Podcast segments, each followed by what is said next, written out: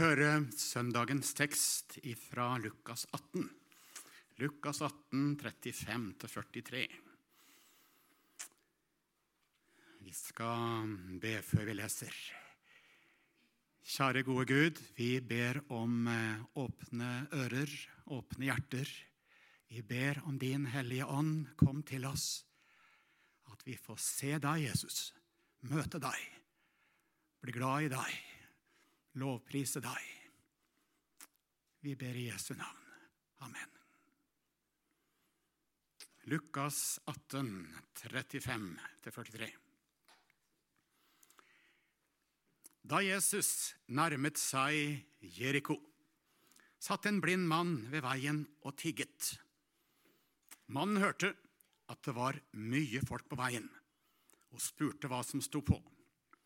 De svarte ham, 'Jesus fra Nasaret kommer forbi.' Da ropte han, 'Jesus fra Nasaret, Jesus du Davids sønn, ha barmhjertighet med meg.' De som gikk forbi, snakket strengt til ham og ba ham tie. Men han ropte bare enda høyere, 'Du Davids sønn, ha barmhjertighet med meg.' Jesus stanset og ba om at den blinde skulle føres til ham. Da han kom nærmere, spurte Jesus ham, 'Hva vil du at jeg skal gjøre for deg?' Han svarte, 'Herre, la meg få syn igjen.' Jesus sa til han, 'Bli seende, din tro har frelst deg.' Straks kunne han se, og han ga seg følge med Jesus og lovet Gud. Og hele folkemengden som så det, lovpriste Gud. Amen. Jeg tenker når jeg leser den teksten Oi, det var en fin tekst. Sånn ei flott tekst. Ser du det for deg, liksom hele fortellingen? Jesus på vandring mot Jeriko, kanskje fra Jerusalem, ned bakkene, fjella, nedover imot Jordan, ned til byen Jeriko. Ser ut som det er mye folk sammen med Jesus, sikkert de tolv disiplene, kanskje mange, mange flere, som går i sammen med Jesus, følger med Jesus nedover til Jeriko. Og så er det mye folk langs med veien. Det er kanskje en sånn hovedsti ned til Jeriko der. Og så har ryktet gått, da. Nå kommer snart Jesus fra Nasaret. Han som har gått rundt og helbreda syke, drevet ut onde ånder, han som hjelper folk. Rykta godt. Nå kommer Jesus snart. Så det var stimla mye folk som satt eller sto langs med veien, langs med stien. Og så sitter det altså en tigger ved veien. En blind mann. Og vi vet ut fra andre tekster han heter Bartimeus. Bartimeus heter han. Han var neppe plassert der av bakmenn, som vi kan tenke på i dag ofte. Som skal ha penger, utnytte tiggeren for å få penger. Det kan skje. Jeg tror ikke det var sånn med Bartimeus. Han satt nok der fordi at han sjøl Det var hans eneste mulighet til å på en måte overleve. At noen forbarmer seg over han, noen bryr seg om han, stopper for han, gir han mat, gir han penger. Han har ingen andre, antagelig.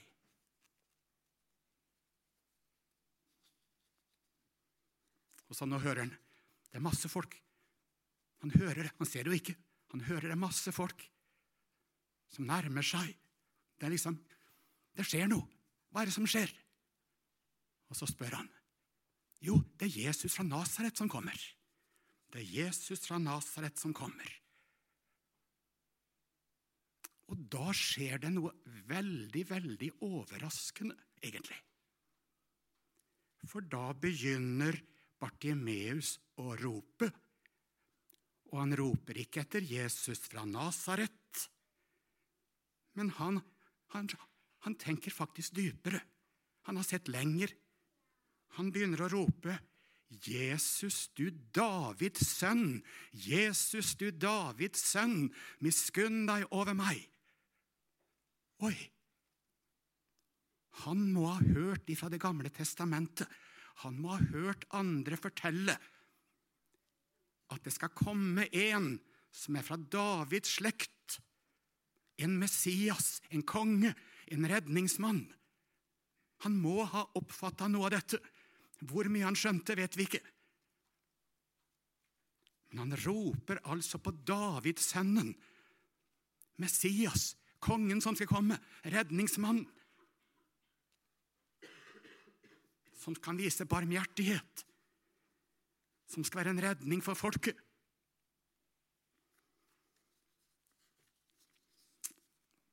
Det uttrykket han roper på gresk, er jo dette Kyrie eleison. Herre, miskunn deg. Kyrie eleison. Vi kjenner det fra gudstjeneste og bønnerop.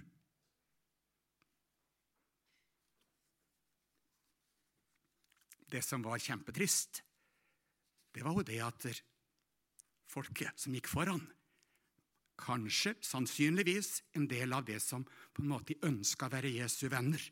De sa 'tiss til, tiss til', slutt å rope, vil ikke ha noe bråk her ved sida, vi er på vei ned mot Jeriko. Det var ganske merkelig. Kanskje det var Jesu venner, vi vet ikke sikkert, som ba han tie stille.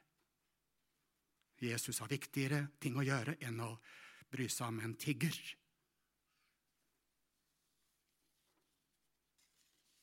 Men ja, vi kan tenke det at de her som ba han tie stille, de var virkelig blinde. De var virkelig blinde. De var veldig blinde. Men eh, Bartimeus, vet du hva han gjør? Han bare liksom skrur opp volumknappen. Så liksom roper han enda høyere. 'Jesus, du Davids sønn, miskunn deg over meg.' Han ga seg ikke, han måtte bare skrudde opp og ropte enda høyere. Ser du det for deg? Hører du det?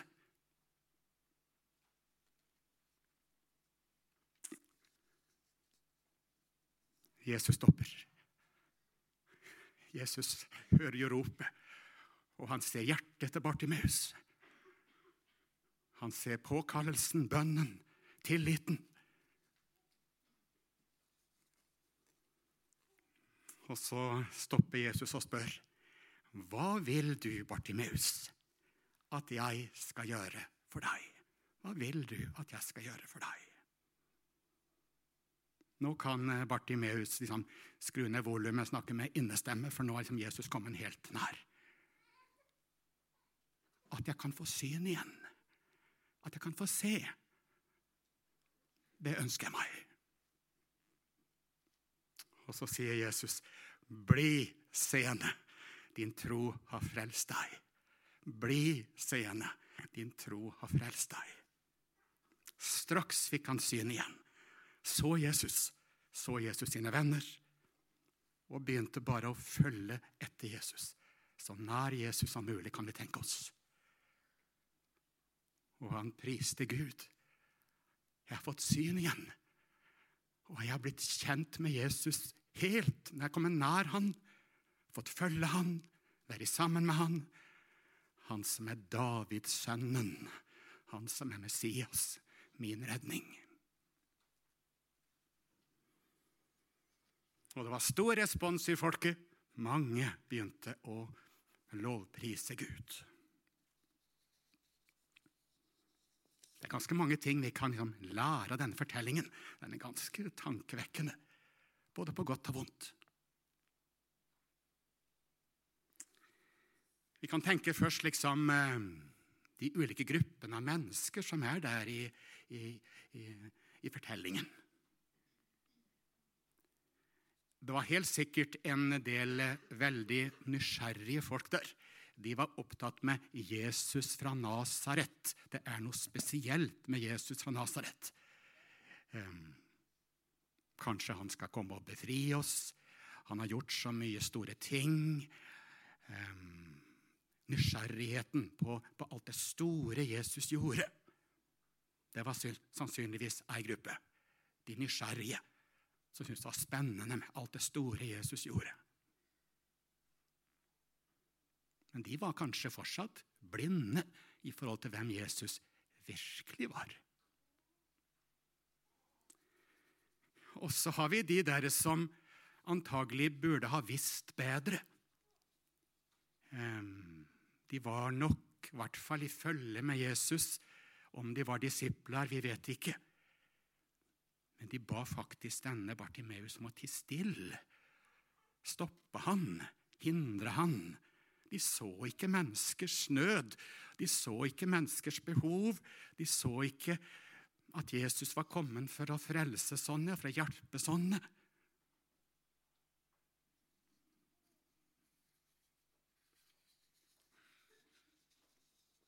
Og så har du Bartimeus, som kanskje ikke er den som vet mest ifra Bibelen. Men han har et hjerterop til Jesus som, som Messias, som frelser. Både for sitt daglige liv her og nå, og det, den utrolige nøden med, med at han ikke kan se. Men han har faktisk også et hjerterop til Jesus som, som frelser og Messias. Hvem ligner du? Hvem ligner du av disse? Hvem ligner du?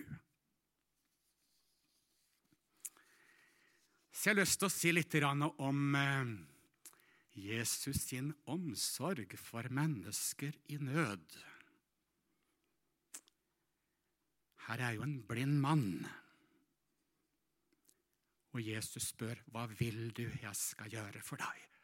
Han skjønner jo det at denne mannen ønsker å, å se. Skulle bare mangle, du har vært blind. Men likevel, han, Jesus, lar han få komme med det ønsket. Sette navn på det. Og vi skjønner her Jesus bryr seg om fysisk nød, menneskelig nød. Han bryr seg ikke bare om åndelig nød. Og han han hjelper ikke som en taktikk eller en teknikk for, at, liksom, for å få, få, mannen liksom, til å se noe mer. Han, han, hjelper han fysisk som en måte å få kontakt på, og så etterpå så skal han fortelle om frelsen.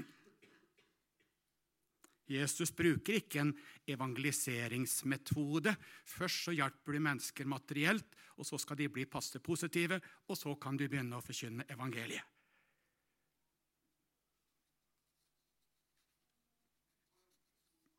Nei, vi må ikke tenke sånn om det å hjelpe mennesker i nød. Det er ikke en metode vi bruker for å få dypere kontakt. For sånn kan vi tenke. Vi driver diakoni, vi driver bistand. Ja, ikke at vi, det er så viktig, men, men vi gjør det for at de skal begynne å bli åpne for Guds ord. Da må vi bruke det som en metode. Ja, men da bryr vi oss egentlig ikke om menneskene sånn som de faktisk har det. Vi tenker at vi er bare opptatt med det åndelige. Sånn er ikke Jesus, og sånn må ikke vi være. Jesus bryr seg om den faktiske nøden som mennesket har. Han bryr seg om hele mennesket. Han bryr seg om alt. Han bryr seg om hele personen Bartimeus.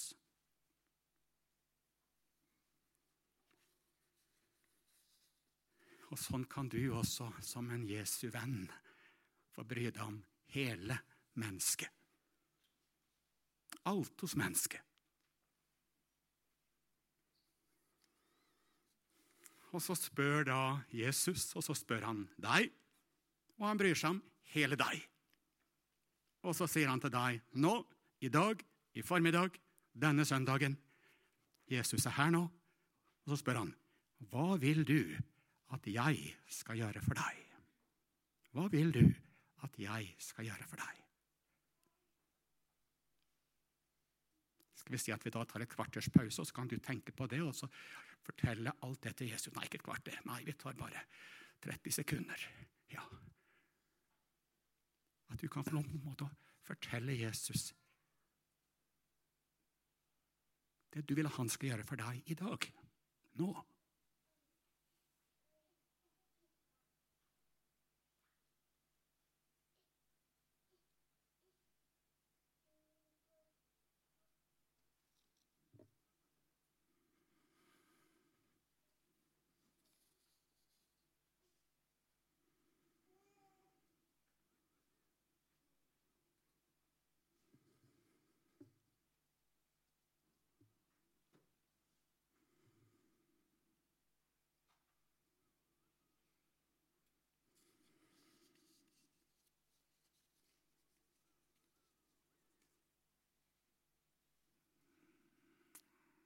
Så godt at vi kan få komme til Jesus med absolutt alt.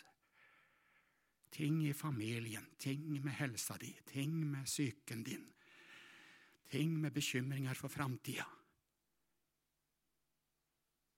Synder som du faller i. Murer som står foran, som du ikke ser løsningen på. Rop om nåde på mange plan i livet. Så bra at du kan få lov å komme til Jesus med alt, med alt. Herre, miskunn deg over meg. Du Davids sønn, du Jesus Kristus, min frelser i dag. Og så står det så fint at Jesus bli seende. Så vil Jesus komme inn i din konkrete nød. Og han vil være din frelser. Din tro har frelst deg. Synda di er tilgitt. Du er mitt barn. Du skal få være trygg hos meg. Jeg har tatt ansvar for livet ditt, og jeg har ansvar for livet ditt.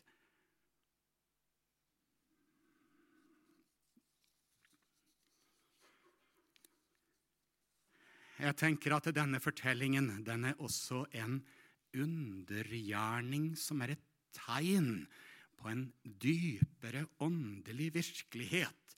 Vi har jo allerede vært innom det. Eh, men det at Jesus åpner blindes øyne Alle Jesu undergjerninger er, er, jo på en måte tegn. Det er en konkret handling, det er reelt her og nå. Og så peker det ofte videre på dimensjoner som liksom ikke er helt sånn. Du ser det ikke med en gang. Og Det er vel ikke tvil om at her er et fokusområde med menneskets blindhet i forhold til Gud. Menneskets blindhet i forhold til Gud. Hvis vi hadde lest verset foran teksten her, så står det det at Jesus sier, 'Jeg skal snart lide og dø'. De skal spytte på meg, de skal slå meg, de skal hudstrykke meg. Nå skal jeg snart, til, eh, nå skal jeg snart dø. Men på den tredje dagen skal jeg stå opp igjen. Dette står rett foran teksten vår. Vet du hva det står da, når Jesus forteller alt dette til disiplene? De forsto ingenting av det han sa. De forsto ingenting av det han sa. Hvorfor ikke? De var blinde. De hadde ikke sansen for det, at Jesus skal lide og dø, og så stå opp igjen.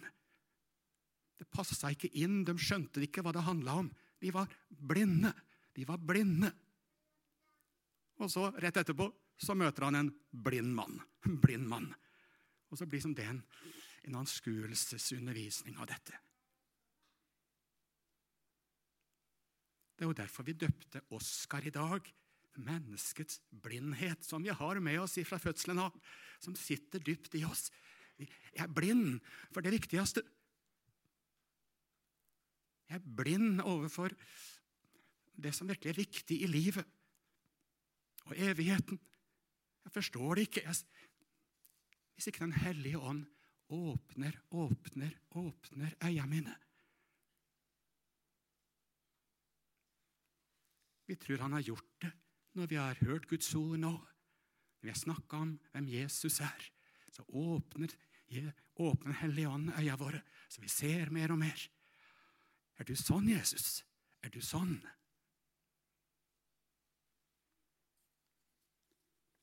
Men hvis ikke Jesus ved Den hellige ånd får åpne blindes øyne, så, så ser vi ikke Jesus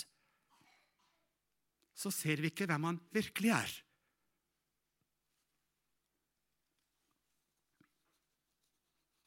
Derfor så ber Paulus og andre i Bibelen vi ber om at vi må få hjertets opplyste øyne. Så vi ser hvem han er, ser hva han betyr, ser hva han har gjort, ser hva han representerer for oss.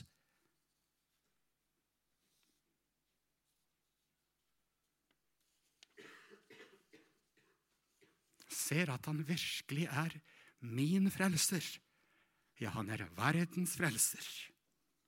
Han er den som miskunner seg over oss. miskunner. Det er ordet miskunn. Kun, det er jo kunnskapen, det som, det, som, det, det som, er faktum. Det som Gud vet, og det som er faktum om våre liv. Men så vil han miskunne. Han vil, han vil gjøre på tvers av det. Han vil gjøre på tross av det. Han vil miskunne seg. Han vil ikke gi oss det vi fortjener. Jeg, skal jeg få det jeg har fortjent med mine tanker, ord og gjerninger? Nei, da går det ikke noe godt. Men han miskunner meg, miskunner seg. Han gir meg på tvers av det jeg fortjener. Han gir meg på tross av det jeg fortjener. Han gir meg fordi at han er god, han er nådig, Gud er annerledes. Og så får jeg ikke dom, jeg får ikke det jeg fortjener, men jeg får nåde, tilgivelse, velsignelse, liv, overflod. Den hellige ånd. Herre, miskunn deg over meg. Herre, miskunn deg over meg. En utrolig fin bønn å få be ofte, egentlig. Jeg trenger å be det om igjen og om igjen. Og han er en Gud, en frelser, som på nytt og på nytt miskunner seg over meg. Og jeg får lov å leve under hans miskunnhet, hans nåde, hele tida. Som en flod av vann som renner.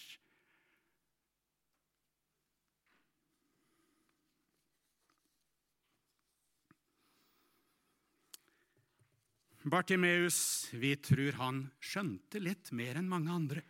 Hvor mye han skjønte, vet jeg ikke. Men jeg syns det er så spennende det at denne blinde mannen hadde fått tak i noe av budskapet fra Det gamle testamentet. Om Davidssønnen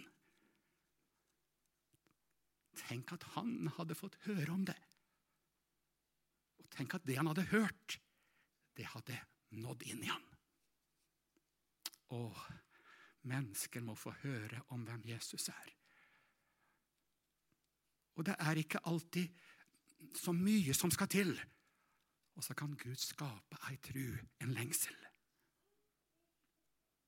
Tenk hvor mye det betyr et vitnesbyrd som du gir til et menneske, eller noe du forteller til et menneske om hvem Jesus er. Noe som er bibelsk sant, noe som er fra Bibelen, eller som er i samsvar med Bibelen. Og så kan mennesket få ei gryende tru. Og så kan et menneske begynne å rope til Jesus, 'Herre, miskunn deg over meg'.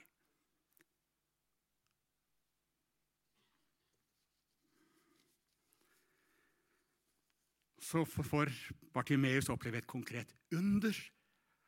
En konkret inngrepen i sitt fysiske liv.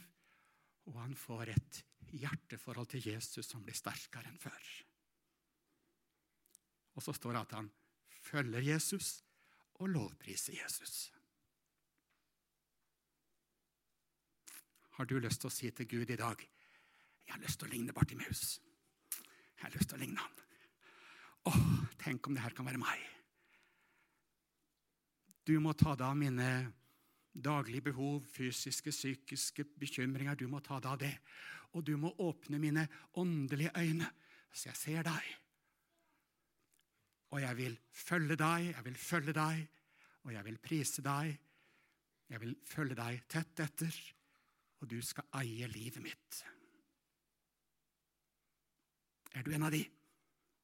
Ja, jeg har lyst til å være en sånn Bartimeus. Han skal eie livet mitt.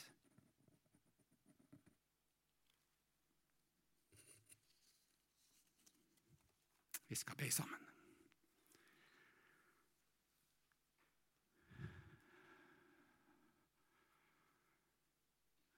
Vi vil takke og prise deg, Herre Jesus, for at du stoppa for Bartimeus. Og vi har lyst til å takke og prise deg for at du stopper for oss i dag med alle våre behov, med all vår nød. Du bryr deg om hele oss. Du kjenner oss tvers igjennom. Og så er du en fullkommen frelser for all vår all synd og alt som kommer som en følge av synda. Og så bryr du deg om hverdagen vår og livet vårt. Og så vil du si til oss din tro har frelst deg. Og så er det masse mangelfullt med vår tro. Men det betyr ikke så mye så lenge vi tror på deg, Jesus. Vi ser deg, vi hører om deg, og vi tror at det er sant. Og vi takker deg, Jesus, for at det, det gjelder oss. Og nå ber vi om at vi som er her, kan følge deg i livet. Vi kan prise deg med livet vårt, hvordan vi møter mennesker. Og vi ber om at det vi har hørt om nå, det kan nå ut i verden. Til de som aldri har hørt om deg. Som må leve med blindhet. Den totale blindhet. Og så ber vi om at du må drive arbeidere ut til din høst. At vi kan være med å åpne blinde øyne både menneskelig og åndelig. Vi ber om det i Jesu navn. Amen.